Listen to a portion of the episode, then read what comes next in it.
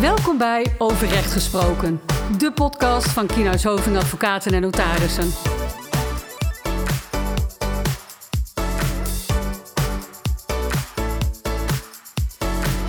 Welkom bij een nieuwe podcast. De podcast over recht gesproken van Kienhuis Hoving Advocaten.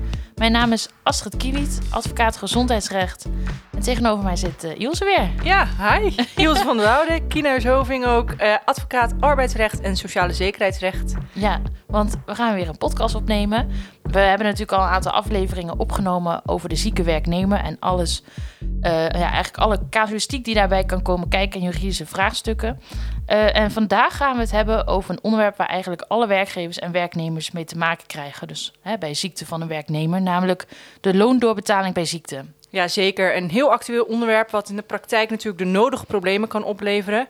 Um, in de eerdere podcasts zijn we natuurlijk meer ingegaan op het reintegratietraject ja. zelf. Wat kan je doen? Hoe is de verhouding met de bedrijfsarts?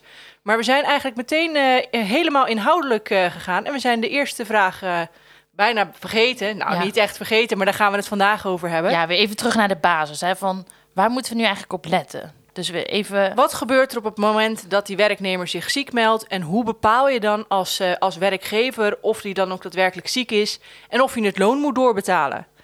Um, ja, de afgelopen jaren hebben natuurlijk veel werkgevers in Nederland steeds meer verplichtingen gekregen wanneer een werknemer ziek wordt. En dat gaat dus ook met name over die loondoorbetaling. Ja, want hierin zijn in het afgelopen decennium veel wijzigingen in de wetgeving uh, zichtbaar op dit terrein. Want door de wet, uh, wetgever is in artikel 629 van boek 7 van het burgerlijk wetboek, om meteen maar heel juridisch te beginnen, daarin is geregeld dat een werknemer, wanneer hij ziek wordt, gedurende 104 weken recht heeft op 70% van de toon. Ja, en hierbij stelt die wetgever dan wel de voorwaarde dat de werknemer zijn uh, bedongen arbeid, dus zijn eigenlijke werk, niet moet kunnen verrichten in verband met de ongeschiktheid uh, als gevolg van ziekte, zwangerschap of bevalling. En deze loondoorbetalingsverplichting wordt voor werkgevers dan weer verder uitgewerkt in uh, collectieve arbeidsovereenkomsten, dus de cao's, of eventueel de uh, gewone arbeidsovereenkomsten met de werknemer zelf. Die, hoe bepaal je dan als werkgever wanneer iemand dan echt ziek is op grond waarvan je dan het loon zouden moeten doorbetalen? Nou, dan zitten we niet meer in het burgerlijk wetboek, maar in de ziektewet. En uh, met name artikel 19 van die ziektewet. Ja, en op grond van dat artikel hebben werkgevers die door ziekte niet kunnen werken. Uh, werknemers, werknemers ja. excuses, dan wordt het wel een heel moeilijk ja, verhaal anders. Het, daar, daar, komen we niet meer uit dan. Nou, op grond van artikel 19 van die ziektewet hebben werknemers die door ziekte niet kunnen werken... de eerste twee jaren dat ze ziek zijn recht op ziekengeld. En uh, dat ziekengeld gaat dan volgens de ziektewet. Maar dat heeft de wetgever dan ook over nagedacht. En die heeft gezegd in uh, artikel 29 van die ziekte, uh, ziektewet: het Rijk, dus eigenlijk wij allemaal, betalen niet het ziekengeld van die werknemer op het moment dat die werknemer nog een werkgever heeft waarbij die loondoorbetaling kan claimen. En dat zal in veel gevallen uh, zo zijn. Ja, en wat onder ziekte wordt verstaan, dat volgt dan niet uit het burgerlijk wetboek. En hiervoor wordt aansluiting gezocht bij het ziektebegrip van de ziektewet, waar, die, waar jij het even had, uh, Ilse. Want volgens oude jurisprudentie van het Centraal Beroep, uh, Centrale Raad van Beroep is ziekte een verstoring van het evenwicht in het lichaam, waarbij het lichaam streeft naar herstel van het evenwicht uh, op het oude of een lager niveau. Nou, een hele moeilijke definitie en ik denk ook een definitie waar we nou wel meerdere podcastafleveringen over kunnen wijden, maar dit even uh, in het kort gezegd hebbende. Nou, de ziektewet bepaalt in artikel 19 dat arbeidsongeschiktheid een te objectiveren medische oorzaak moet hebben en dat ziekte tevens gebreken omvat. Nou, wanneer een werknemer voldoet aan die definitie van de Centrale Raad van Beroep en hij of zij arbeidsongeschikt is door een objectief medisch vast te stellen oorzaak, dan valt hij te kwalificeren, of zij natuurlijk, als ziek zijn. Nou, de periode van loondoorbetaling bij ziekte vangt aan vanaf de dag dat de werknemer door ziekte de met zijn werkgever bedongen arbeid niet volledig heeft kunnen verrichten. Nee, en dan met name die bedrijfsarts waar die werknemer dan heen gaat, die stelt dan vast of er dus een medisch objectief te bepalen uh, oorzaak is van die ziekte. Ja. En als dat zo is, ja, dan voldoet de werknemer aan de definitie. En dan, uh, dan zal de werkgever het loon moeten doorbetalen. Nou, en dan gaan we even, om, om mee te beginnen, um, enkele technische gegevens door en, en uitgangspunten eigenlijk. Die loondoorbetalingsverplichting uh, uit het burgerlijk wetboek verplicht die werkgever om het loon van de werknemer op het moment dat die werknemer dan door ziekte verhinderd is om de arbeid te verrichten, door te betalen gedurende een termijn van 104 weken, oftewel twee jaar. De werknemer heeft gedurende deze periode in beginsel uh, recht op 70% van zijn loon, tenzij de CAO anders heeft bepaald of werkgever en werknemer in de arbeidsovereenkomsten anders overeen zijn gekomen. En dan gaat het altijd om een hoger percentage dan 70%. Het kan eigenlijk niet gaan om een lager percentage dan 70%. Um, ehm, er zit nog één kanttekening bij. Op het moment dat een, uh, een werkgever uh, eh, 70% van het loon mag betalen, dan moet die werkgever er wel rekening mee houden dat voor de eerste 52 weken van de ziekteperiode, dus het eerste jaar, dat dan geldt dat de werknemer recht heeft op minimaal het voor hem geldende wettelijk minimum. Dus zodra de werknemer minder zou gaan verdienen dan het wettelijk minimum, omdat die werkgever 70% van het loon zou doorgaan betalen, dan moet de werkgever het aanvullen tot het wettelijk minimum. In het tweede ziektejaar geldt die verplichting niet meer. En uh, kan dus de werkgever dan wel overgaan tot het gewone 70% uh, van het loon. Um, en er zit ook een wettelijke bovengrens aan. En die wettelijke bovengrens is het maximum dagloon. Um, daar gaan we nu even niet zo verder op in, want dat, ook dat is een hele podcast op zich. Ja. Uh, nou, en dan nog één kanttekening nog meer, is naast die loondoorbetalingsverplichting van de werkgever, kan de werknemer eventueel ook in aanmerking komen voor een toeslag bij het UWV. Deze toeslagen zal de werknemer zelf kunnen aanvragen. Ja, want je gaf al even aan, naast de wettelijke verplichting tot doorbetaling van minimaal 70% van het loon gelden er vaak bovenwettelijke afspraken uit cao's. Um, of dat kan ook in een personeelsreglement of huishoudelijk reglement, daar kan het ook in staan. Nou, uit onderzoek volgt dat bijna alle cao's aanvullingen kennen op de wettelijke loondoorbetaling bij ziekte. Uh, sociale partners zijn vanwege de contractsvrijheid in dit kader vrij om cao's overeen te komen dat werkgevers gehouden zijn meer loon te, door te betalen dan die 70% die zij volgens hè, het burgerlijk wetboek verschuldigd zijn. Nou, en dan zitten we eigenlijk al in de fase dat vast is komen te staan dat die werknemer ziek is en dat de werkgever uh, het loon moet door te betalen. Maar dan kan je je voorstellen dat er in de praktijk wat gebeurt waardoor die werkgever zegt, hmm, die werknemer die werkt bijvoorbeeld niet mee met zijn reïntegratie of die komt niet op afspraken die we hebben gemaakt of die volgt de afspraken uit het plan van aanpak niet. En dan vraag je je af, moet ik dan nog steeds als werkgever dat loon door te betalen? Nou, dat hoeft niet altijd. De zieke werknemer kan worden gekort op zijn loondoorbetaling uh, tijdens de reïntegratieperiode. En in de wet kennen we daar een aantal uh, uitzonderingen met, die specifiek genoemd worden.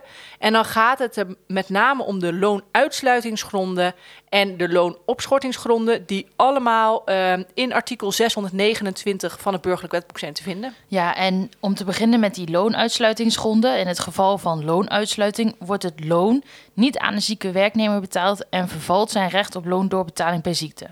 Nou, zo volgt uit de wet dat de zieke werknemer geen recht heeft op loondoorbetaling uh, wanneer de ziekte door zijn opzet is veroorzaakt. Nou, in de praktijk zien we dat dat eigenlijk nooit uh, wordt aangenomen. Of dat het het gevolg is van een gebrek um, waarover hij valse informatie heeft verstrekt. Nou, daar, dus de werknemer. Nou, daarnaast bestaat er ook geen recht op loondoorbetaling bij ziekte indien de zieke werknemer zijn genezing heeft belemmerd of vertraagd en wanneer hij zijn reïntegratieverplichting niet is nagekomen. En die reïntegratieverplichting hebben we al in een andere podcast toegelicht, hè, voor werkgever, maar ook voor werknemer. Ja, ja, en voor werkgever zijn er natuurlijk heel wat verplichtingen, maar voor werknemer ook zeker. Um, de werknemer moet natuurlijk wel uh, zijn verplichtingen uit het plan van aanpak uh, nakomen. En het kan dus zijn dat als de werknemer dat niet doet of niet voldoende doet, dat je daar als werkgever tegen moet, uh, moet, moet optreden. Ja, precies. Daar komen we straks nog wel even over te spreken. Ja. Ja, nou daar staat tegenover de mogelijkheid voor werkgever om het loon op te schorten. Ja, in geval van een loonopschorting wordt het loon niet betaald, maar blijft het recht op de loondoorbetaling wel bestaan. En wanneer de loonopschorting vervalt, dan herleeft dat recht op die loondoorbetaling bij ziekte. En dat geldt ook voor de periode waarop, waarover dan die loonopschorting gold. En de werkgever mag deze sanctie enkel opleggen indien hij uh, daarbij tot doel heeft die werknemer tot medewerking aan te zetten. Dus wanneer een zieke werknemer een beroep doet op die loondoorbetalingsplicht, dan dient die werkgever vast te stellen of er sprake is van, van ziekte en of die op grond van een burgerlijk wetboek het loon moet doorbetalen. En daarbij maakt die werkgever gebruik van de inlichtingen van die werknemer. Uh, en die werknemer zal zich ook moeten melden bij de bedrijfsarts. Als de werkgever niet kan vaststellen of uh, er sprake is van een loondoorbetalingsverplichting, omdat de werknemer verkeerde inlichtingen geeft of geen inlichtingen geeft, dan kan het zijn dat de werkgever eigenlijk die werknemer met een sanctie moet bewegen om toch zich te conformeren aan de afspraken. En daarbij kan dan de werkgever voor een korte periode het loon opschorten. Ja, en hopelijk hoeft een werkgever natuurlijk niet over te gaan tot het nemen van dergelijke maatregelen. Dat gaat natuurlijk best ver. Uh, maar mocht een werkgever, ondanks dat hij daartoe de mogelijkheid had, niet overgaan tot het opschorten of stopzetten van het loon, dan kan het de werkgever nadien wel worden aangerekend door het UWV. Dus let daar als werkgever wel op. Zodra de werkgever de keuze maakt niet over te gaan tot het nemen van een loonsanctie sanctie tegen de werknemer, dan gaat het UWV ervan uit dat werkgever akkoord is gegaan met de wijze waarop de werknemer invulling heeft gegeven aan die reïntegratietrajecten. Dus nogmaals, wees hier als werkgever goed bewust van. Ja, nee, dat denk ik heel belangrijk. Uh, het is een, een heikel punt. Je ziet het ook in de praktijk dat het, dat het veel leeft, dat het vaak gebeurt. Uh, maar wel heel belangrijk om daar op het juiste moment de juiste keuze over te maken. Nou, en zodra die werknemer en die werkgever dan uh, zich hebben ingezet in dat reïntegratietraject uh, en die werknemer dan desondanks toch nog ziek blijft en de, en de 104 weken uh, verstrijken op een gegeven moment, dan zou die werknemer aanspraak kunnen maken, mogelijk op een via-uitkering. De werknemer zal dan ja, onderzocht worden door het UWV en de reïntegratieactiviteiten van de werkgever en de werknemer zullen worden beoordeeld door het UWV. Um, op het moment dat die 104 weken ziekte zijn verstreken, dan eindigt ook de loondoorbetalingsverplichting voor die werkgever. Daar is één tenzij bij en dat is op het moment dat de CAO of je in de arbeidsovereenkomst overeen bent gekomen dat je uh, langer het loon bij ziekte doorbetaalt. Het komt wel eens voor, en zeker in sommige CAO's, dat partijen uh, overeen zijn gekomen met de sociale partners in dat geval, dat er een derde uh, ziektejaar wordt aangehouden. Of dat er bijvoorbeeld een suppletieregeling geldt. En dan komen we nog even bij de loonsanctie, denk ik, Astrid, of niet, op het laatste punt. Ja, klopt. Zal ik een beginnetje ja, maken? Maak maar een begin. Nou, het, het is een, uh, het is een groot onderwerp. Het is een moeilijk onderwerp. Um, het is ook een onderwerp wat in de praktijk natuurlijk uh, veel gebeurt en vaak fout gaat. En zeker voor werkgevers heeft dit uh, de nodige gevolgen, met name financieel. Op het moment dat je als werkgever je volledig hebt ingezet voor jouw gevoel voor het reïntegratietraject en um, het UWV gaat dat traject beoordelen, dan kan het voorkomen dat het UWV op een gegeven moment zegt: Nou, ik vind toch dat er niet voldoende uh, gedaan is in de reïntegratie. Of dat jullie een, uh, als partijen, dan bedoel ik werkgever en werknemer, een afslag hebben gemist. Waardoor eigenlijk de werknemer een mogelijke kans op, uh, op versneld herstel uh, ja, ontnomen is eigenlijk. Waardoor het UWV zegt, eigenlijk vind ik dat, uh, dat werkgever en werknemer samen nog even verder moeten in dat reïntegratietraject. En dat de beslissing of er een via-uitkering komt, wordt uitgesteld. En dat heeft uh, tot gevolg dat er een zogenaamde loonsanctie komt vanuit het UWV. En deze loonsanctie geldt voor maximaal 52 weken. Mochten partijen eerder klaar zijn met, de, met eigenlijk de taak die het UWV hen geeft in die loonsanciebeschikking, dan kan, uh, kan de werkgever of de werknemer om bekorting van die loonsanctieduur vragen. En dat is dan een afzonderlijk besluit wat je weer vraagt van het UWV. Maar stel dat je ervan uitgaat dat je die loonsanctie opgelegd krijgt, dan moet de werkgever en werknemer zich langer inzetten voor die reïntegratieactiviteiten. En een indirect gevolg daarvan is ook dat werkgever langer het loon van deze werknemer moet blijven doorbetalen. En dat de uh, bescherming tijdens, uh, voor ontslag tijdens ziekte ook wordt verlengd. Ja, want uh, dat is dus inderdaad met name als die reïntegratieverplichting, hè, als dat niet genoeg is nageleefd, althans als de UWV dat nodig of dat vindt. En we hebben in die andere podcast ook al uitgelegd van hè, er zijn heel, hele strikte termijnen. Van je moet bij zoveel weken hè, moet je als werkgever een plan van aanpak, een probleemanalyse, nou, et cetera. Dus het is goed, denk ik, om die podcast ook in ieder geval nog even te luisteren.